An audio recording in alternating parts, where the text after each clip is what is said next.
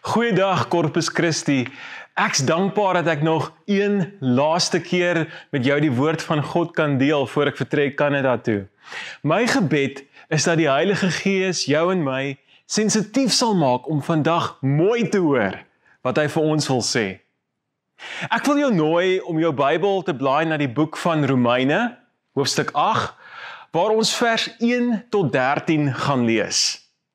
En net vir konteks, in die vorige hoofstuk, hoofstuk 7, het Paulus die desperate situasie van mense wat nie die Heilige Gees in hulle lewens het nie, verduidelik.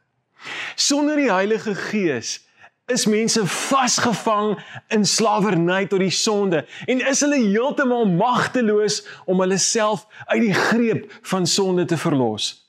Maar dan kom Paulus in Romeine 8 en verduidelik hoe die Heilige Gees die situasie heeltemal verander vir diegene wat hulle vertroue in Jesus Christus plaas.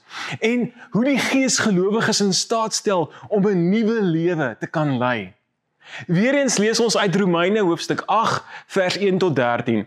En terwyl ons hierdie woorde lees Corpus Christi, onthou, dis geïnspireer deur God die Heilige Gees En dit het dieselfde gesag asof Jesus Christus ons Here en Verlosser nou reg langs ons staan en ons direk aanspreek.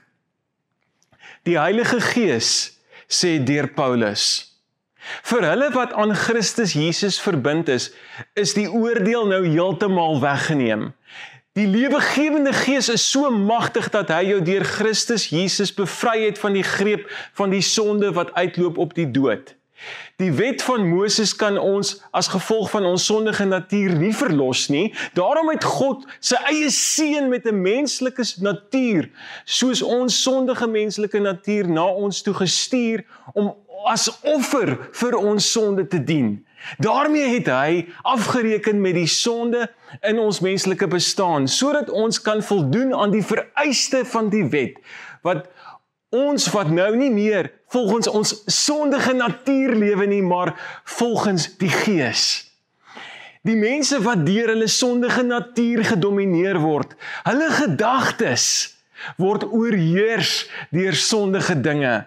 Maar die wat deur die Gees beheer word, hulle gedagtes is vol van die dinge wat die Gees gelukkig maak. As jou sondige natuur jou denke oorheers, lei dit tot die dood, maar as die Gees jou denke oorheers, beteken dit vir jou ware lewe en vrede. Want die sondige natuur is altyd vyandig ingestel teenoor God. Dit rebelleer teen God se uh, wet, want dit is in sy aard. Dit is waarom die mense wat deur hulle sondige natuur beheer word, God nooit gelukkig kan maak nie. Maar julle word nie deur julle sondige natuur beheer nie.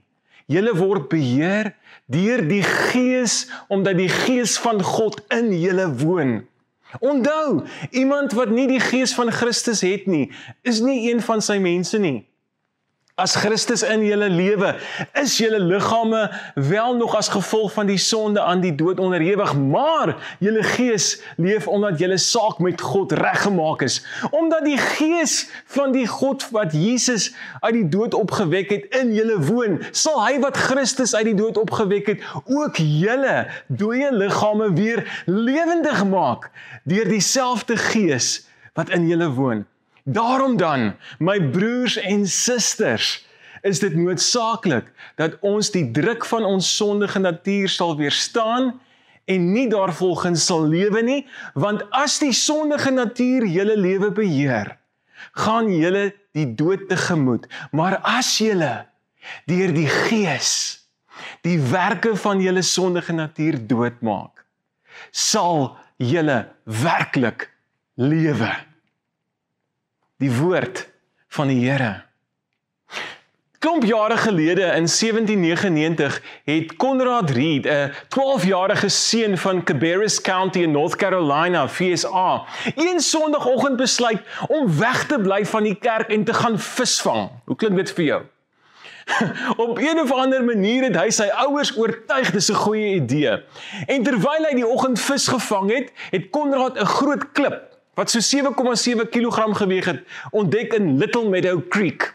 Konrad het die groot klip na sy pa John Reed geneem, maar sy pa het geen idee gehad wat dit is nie. Die enigste gebruik wat sy pa vir die klip gesien het, was om dit as 'n deurstop in hulle huis te gebruik. Die gesin het die groot klip vir die volgende 3 jaar as 'n deurstop gebruik. Nou, John Reed het egter in 1802 die klip na 'n juwelier geneem wat hom ingelig het dis eintlik 'n groot stuk goud. Maar omdat John Reed nie geweet het hoe ontsettend waardevol die stuk goud was nie, het hy dit aan 'n juwelier verkoop vir die belaglike prys van 3 dollar 50. Nou in werklikheid was die waarde van daai stuk goud op daardie stadium ongeveer 3600 Amerikaanse dollar en sou dit vandag se tyd ongeveer 76000 dollar werd gewees het of terwyl 1,1 miljoen rand in ons geld. En om te dink die Reed gesin het hierdie stuk goud vir 3 jaar lank as 'n deurstop gebruik. Trouwens, selfs nadat hulle uitgevind het dis 'n stuk goud, het hulle nie besef hoe waardevol dit is nie. Corpus Christi ek oortuig daarvan dat baie Christene die Heilige Gees op dieselfde manier hanteer. Hulle die Heilige Gees in hulle lewens ja, maar weet nie regtig wie hy is of hoeveel hy werd is nie. Hulle behandel hom soos 'n deurstop. Hy's nuttig vir hulle, maar hulle besef nie sy groot waarde nie. Hulle besef nie die rykdom wat hulle in en deur hom het nie. Hulle besef nie dat hulle toegang het tot kosbare geestelike bronne wat die Heilige Gees gee aan alle navolgers van Jesus nie. Wanneer ons die ongelooflike waarde van die Heilige Gees in ons lewens besef Corpus Christi en wanneer ons regtig verstaan wat hy vir ons doen, sal ons 'n heeltemal nuwe waardering vir sy werk in ons lewens ontwikkel. Ons sal ophou om hom as deurstop te gebruik en te begin leef as mense wat bevoordeel is om geestelike goud in ons lewens te hê. Ja, ons sal begin lewe as mense met geestelike goud, die lewensveranderende teenwoordigheid van God, die Heilige Gees. Paulus skryf aan die kerk in Rome en wil gelowiges herinner aan die geestelike skatte wat hulle geniet as gevolg van die teenwoordigheid van die Heilige Gees in hulle lewens. Deur geloof in Jesus Christus ontvang gelowiges die gawe van 'n nuwe lewe in en deur die Gees. In Romeine 8 beklemtoon Paulus die belangrikste kenmerke van hierdie nuwe lewe in die Gees. So merkwaardig is hierdie nuwe lewe deur die Gees wat Paulus in Romeine 8 beskryf dat Romeine 8 al dikwels beskryf is as die belangrikste hoofstuk in die hele Bybel. Trouwens die beroemde evangelis D.L. Moody het eendag opgemerk dat hy eerder in die hart van Romeine 8 sou wou woon as om in die hart van die tuin van Eden te gewoon het. Aangesien Satan Adam se lewe van hom kon steel in Eden, maar Satan sal nooit in staat wees om die lewe van die wat aan Christus behoort te steel nie. Ek stem saam met Moody. Vir die van ons wat aan Christus behoort, kan sonde en Satan nooit weer ons lewens totaal oorheers nie. Ons is ewig bevry in Christus. Ek dink ons vergeet soms net hoe wonderlik hierdie nuwe lewe is, omdat ons vergeet van die totaal hopeloosheid waarin ons was voor die Heilige Gees in ons lewens ingekom het. Voordat God die gawe van die Heilige Gees aan ons gegee het, het ons onsself in 'n toestand van totale verdorwenheid bevind en ons was hoegenaamd nie in staat om ons lewens volgens God se gebooie te leef nie. Die waarheid is in ons ongeredde toestand het die wet van God eintlik net bygedra tot die wanhoop oor ons situasie. Dis waarvan Paulus praat in Romeine 7 Sonder die Heilige Gees kan ons eenvoudig nie lewens lei wat God verheerlik nie. Sonder die Heilige Gees is ons slawe van die sonde, geestelik dood. Maar toe die Heilige Gees ons kom nuut maak, toe ons weer gebore word uit water en die Heilige Gees, soos Jesus in Johannes 3 beskryf, het daar iets wonderbaarliks in ons lewens gebeur. En in Romeine 8 beskryf Paulus hierdie wonderlike nuwe lewe wat ons in en deur die gees van God geniet. Maar wat staan so nuut aan hierdie nuwe lewe? Wat's die nuwe dinge wat die Heilige Gees in die lewens van gelowiges doen?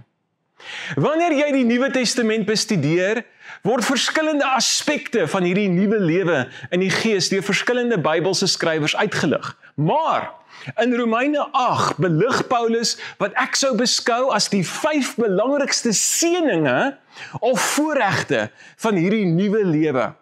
So wat's die vyf nuwe voorregte wat ons danksy die Heilige Gees geniet? Die Heilige Gees gee ons nuwe vryheid, nuwe denke, 'n nuwe inwonende teenwoordigheid, nuwe hoop, maar ook 'n nuwe verpligting. Kom ons bespreek kortliks elkeen van hierdie 5 geesgedrewe voorregte. So in die eerste plek, die Heilige Gees gee aan ons nuwe vryheid. Aangesien ons op die reddende werk van Christus vertrou, is daar absoluut geen veroordeling vir ons nie, Corpus Christi. Die Here verklaar ons regverdig. Ek en jy is nou in 'n regte verhouding met hom. Maar wat's die bewys dat die Here ons in Christus regverdig verklaar het? Wie die Here ons enige manier om te weet dat ons deur hom geregverdig is? Of bly ons situasie net so hopeloos soos dit van tevore was as 'n ongeredde persoon? Nee, die goeie nuus is daar's beslis 'n verandering. As gevolg van wat Jesus vir ons gedoen het, is ons nou in staat om ons lewens in vryheid te leef. Vryheid. Soos Paulus dit stel, die lewegewende Gees is so magtig dat hy jou deur Christus Jesus bevry het van die greep van die sonde wat uitloop op die dood. Jesus het sy lewe opgeoffer sodat ons 'n nuwe lewe volgens die Gees kan geniet. Leef ons in hierdie vryheid? Uit my ervaring in pastorale bediening, lyk dit asof baie gelowiges nog steeds as veroordeelde mense leef. Hulle lees hulle leef asof God om een of ander rede kwaad is vir hulle. Nou ek verstaan daar's komplekse redes hiervoor, maar ek glo dis belangrik dat ons onsself voortdurend herinner dat ons vry is. Weens Jesus Christus is ons vry. Daar word vertel dat toe Oliver Cromwell gedien het as die sogenaamde Lord Protector van Engeland, was daar 'n jong soldaat met die naam Basil Underwood. Nou vermoedelik is hy nie verbonde aan uh, Frank Underwood nie, maar nietemin Basil is gevange geneem en gefonnis tot die dood. Toe die dag van sy teregstelling aangebreek het, sou hy tereggestel word wanneer die aandklok lui. Sy verloofde Bessie het by Cromwell gepleit om vir Basil vry te spreek, maar Cromwell het geweier. Toe die tyd van die aandklok aanbreek, het die kerk se koster herhaaldelik probeer om die klok te lui, maar om een of ander rede het die klok geen geluid gemaak nie. Maak nie saak hoe hard hy probeer het om die klok te lui nie, die klok wou eenvoudig nie lui nie. Sonder dat hy geweet het, het Basil se verloofde Bessie na die bokant van die kloktoring geklim en haarself om die klok se hamer gedraai en so verhoed dat dit die klok tref.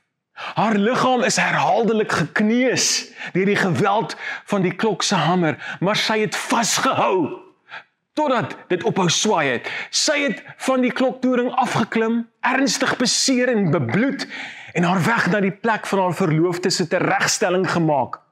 Cromwell was so diep getref deur die vrou se opofferende liefde dat hy besluit het om die man se vonnis op te hef. Bessie se onbaatsigtige optrede het die vryheid van haar geliefde Basil verseker. Jesus Christus het homself aan die kruis van Golgotha geoffer sodat ons vrygelaat kon word van die doodsvonnis van die sonde wat ons gevange gehou het. Die bewys van daardie vryheid is die nuwe lewe in die Gees wat alle gelowiges nou bevoorreg is om te geniet. Hierdie nuwe lewe beteken nie dat ons volmaak is nie. Ons is nie. Maar dit beteken wel dat ons nie meer onder die heerskappy van sonde is nie. God se verklaring van geregtigheid bring ons die wonderlike gawe van 'n vrye nuwe lewe onder die leiding van die Heilige Gees. Maar tweedens, 'n belangrike deel van hierdie nuwe lewe in die Gees is die nuwe denke wat die Heilige Gees ons gee.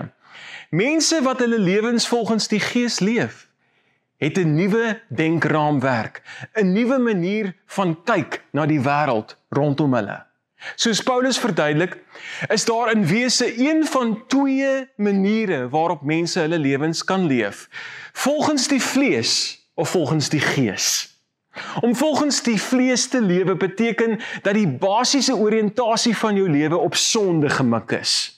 So lewe word gekenmerk deur die werke van die vlees wat Paulus in Galasiërs 5 uiteensit. Seksuele sondes, onreinheid, losbandigheid, afgoderry, towerkuns, vyandigheid, risie, jaloesie, woede, selfsugtige ambisie, verdeeldheid, partyskappe, afguns, dronkenskap, wilde partytjies en al sulke dinge. Maar om volgens die Gees te leef beteken dat die basiese oriëntasie van jou lewe op die dinge van God gefokus is. So lewe word gekenmerk deur die vrug van die Gees wat Paulus ook in Galasiërs 5 beskryf: liefde, vreugde, vrede, geduld, vriendelikheid, goedheid, getrouheid, sagmoedigheid en selfbeheersing. In 'n wêreld waar materialisme hoogty vier en waar hierdie afgod van materialisme in verskillende forme aanbid word, maak die Gees 'n geweldige verskil in die lewe van 'n gelowige. Nou, in 'n studie wat deur Martin Lindstrom in samewerking met Gemma Calvert van die Universiteit van Warwick gedoen is, het hulle iets baie interessant ontdek. Hulle het ontdek dat wanneer mense na fotos en afbeeldings en prente kyk wat verband hou met 'n sterk handelsmerk, soos die iPod, die Harley Davidson, die Ferrari en soortgelyke handelsmerke, mense se brein presies dieselfde aktiwiteitspatrone registreer as wanneer hulle na godsdienstige fotos en prente soos van Jesus, die Bybel en kerkgeboue kyk. Uiteindelik was daar geen waarneembare verskil tussen die manier waarop die brein van die persone op bekende handelsmerke reageer het en die manier waarop hulle breine op godsdienstige afbeeldings reageer het nie. Maar wat het hierdie twee studies met die Heilige Gees te doen? Hierdie studie bevestig die Bybelse waarheid oor hoe ons verstand in staat is om afgode uit materiële dinge te maak. Ons het die lig van die Heilige Gees nodig om ons aandag op die dinge van God te vestig. Ons het die Heilige Gees nodig om ons te waarsku oor die valse gode in ons harte en gedagtes.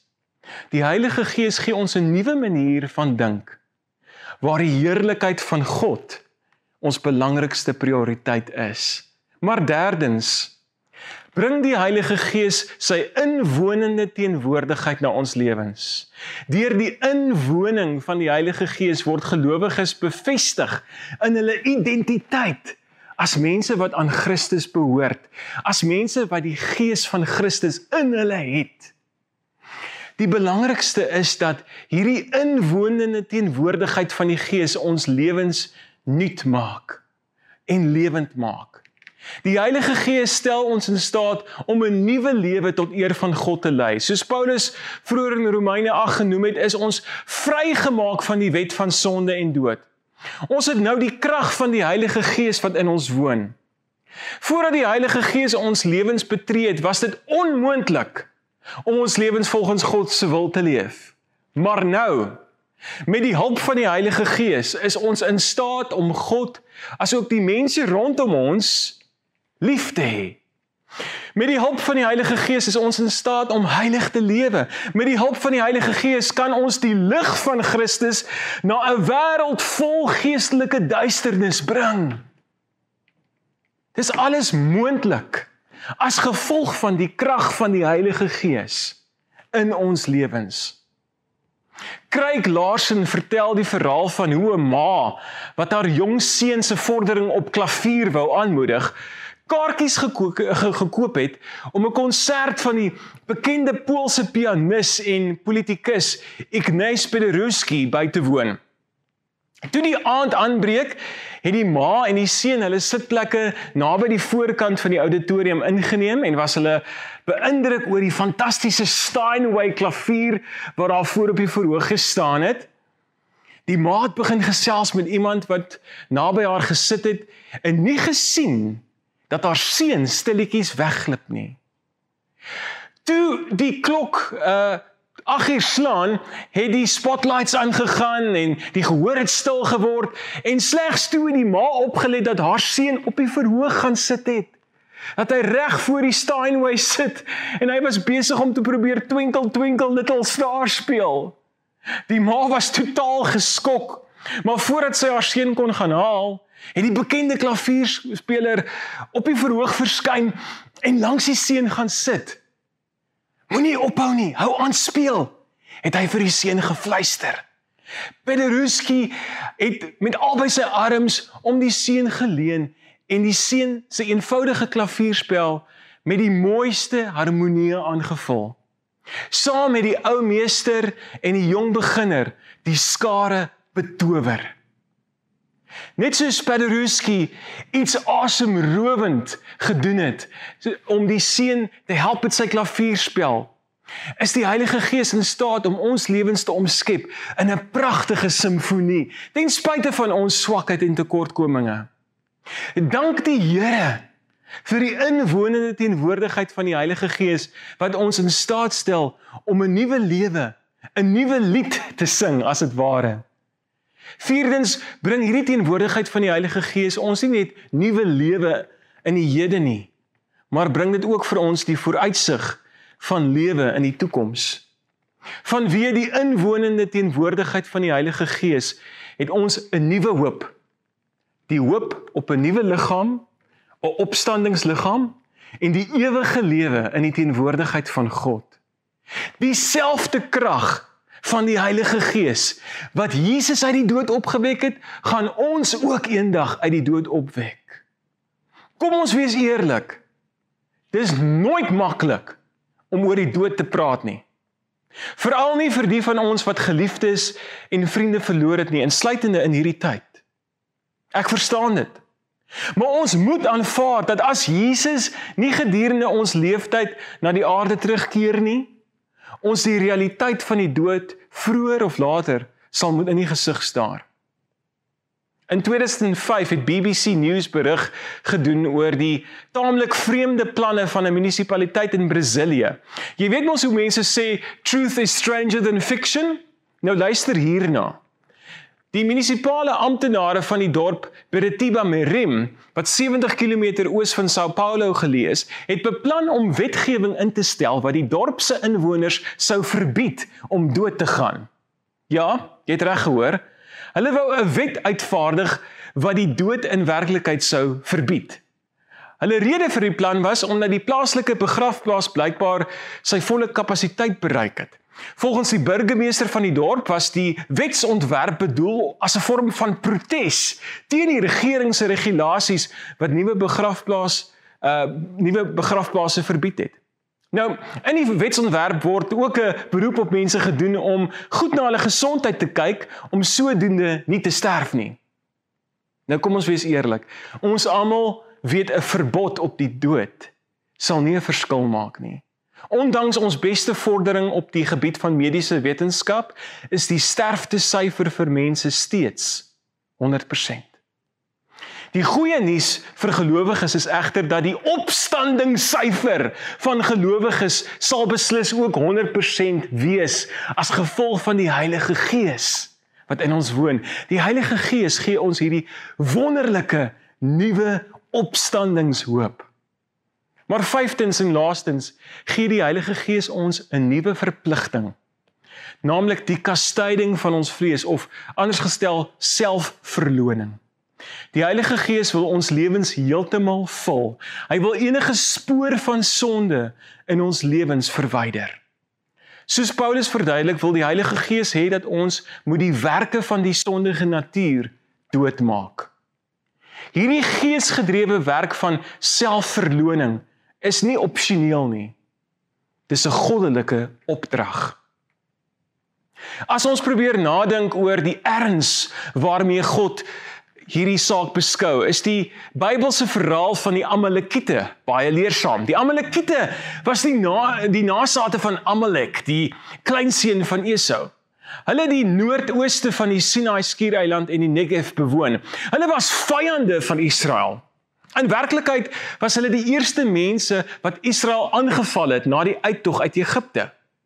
Alhoewel die Here Israel gehelp het om hulle aanvanklik te verslaan, is Israel later uh, deur 'n bondgenootskap van Amalekiete en Kanaaniete uh, na die Sinai wildernis teruggedryf.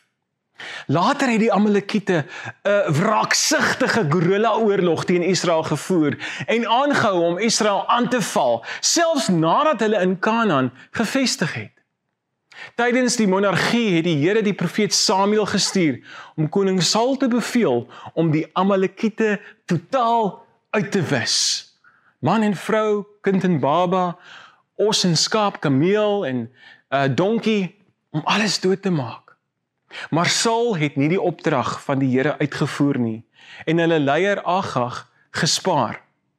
Ironies genoeg was dit 'n Amalekiet wat Saul later doodgemaak het soos opgeteken in 2 Samuel. Dawid het die land van die Amalekiete binnegeval en daarin geslaag om hulle te onderwerp tot tomate, maar die Simeoniete het later daarin geslaag om hulle totaal te vernietig in die tyd van Hiskia. Die storie van Saul se weiering om die opdrag van die Here oor die Amalekiete te gehoorsaam is 'n waarskuwende verhaal vir jou en my ook vandag. Ons moet besef die sonde wat ons nie vandag aanspreek nie sal terugkom om ons skade te doen. Ons het die Heilige Gees se hulp nodig om ons lewens te reinig van alles wat nie God behaag nie. Die Heilige Gees is bereid om ons te help om alle sondige neigings in ons lewens dood te maak. Sommige mense dink miskien dat selfverloning of selfkastyding te radikaal is, maar ons moet onthou Dis 'n verpligting. Dis nie opsioneel nie. Dink net hoe jou lewe sal lyk as jy nie net leef met 'n waardering vir die Heilige Gees se werk in jou lewe nie, maar aktief begin leef uit daardie geestelike rykdom wat vir jou beskikbaar gestel is. sien vir 'n oomblik die prentjie saam met my, die prentjie van die transformasie wat die Heilige Gees in jou lewe kan en wil doen. Stel voor wat jy vir die koninkryk koninkryk van God kan bereik deur die krag van die Heilige Gees. Maar raai wat?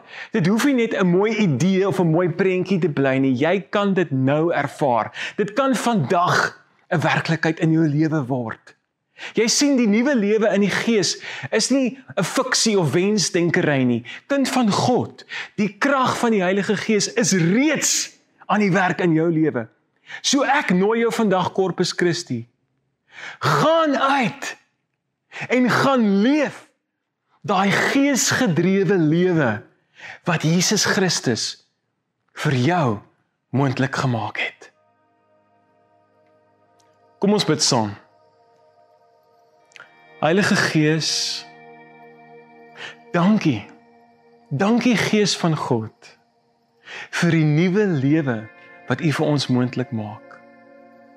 Ja Here, U gee vir ons geestelike goud. Heilige Gees, U gee vir ons geestelike rykdom om te gebruik, geestelike bronne om te gebruik. Nie net as 'n deurstop nie, maar om werklik te lewe. Ja Here Jesus, dankie dat daar deur U kruisdood en opstanding geen veroordeling is vir ons nie, maar wel 'n nuwe lewe in Christus. 'n nuwe lewe deur die Gees. Kom nou o Heilige Gees. Kom o krag van God. Kom maak ons lewens nuut. U o Heilige Gees. U die persoon wat ons lewens kom nuut maak met u krag. Kom doen vandag u werk in ons lewens. Dankie Here. Amen.